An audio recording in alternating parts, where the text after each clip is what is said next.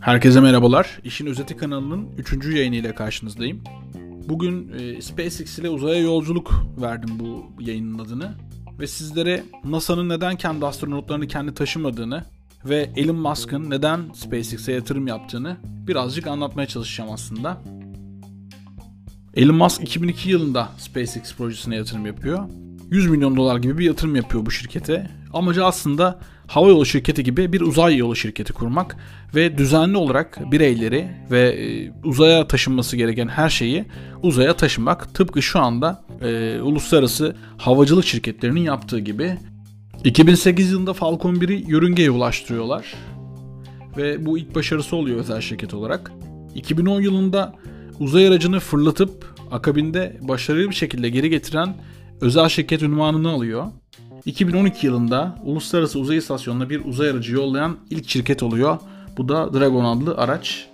2014 yılında 3.14 milyar doları NASA'dan alıyor ve karşılığında NASA'nın astronotlarını taşıyacağını söylüyor Elon Musk. Peki buraya kadar her şey çok normal. SpaceX'in bu insanları taşıması, bu astronotları taşıması çok normal. Peki NASA neden kendi astronotlarını kendi taşımıyor? Aslında buradaki süreç biraz eskiye dayanıyor. 2003 yılında NASA'ya ait STS-107 adlı bir uzay aracı dönüş yolculuğu esnasında maalesef parçalanıyor. Bunun üzerine Kolombiya Kaza Araştırma Kurulu uzay aracının geliştirmesini gerektiğini aktarıyor. Tabii ki yeni bir uzay aracı ciddi bir maliyet demek.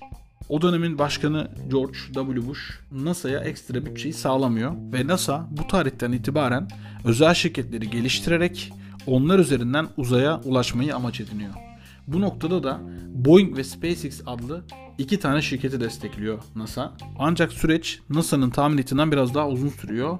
Bu süreçte her bir astronot için NASA Rusya'ya 86 milyon dolar gibi bir rakam ödüyor. Bu ciddi bir rakam.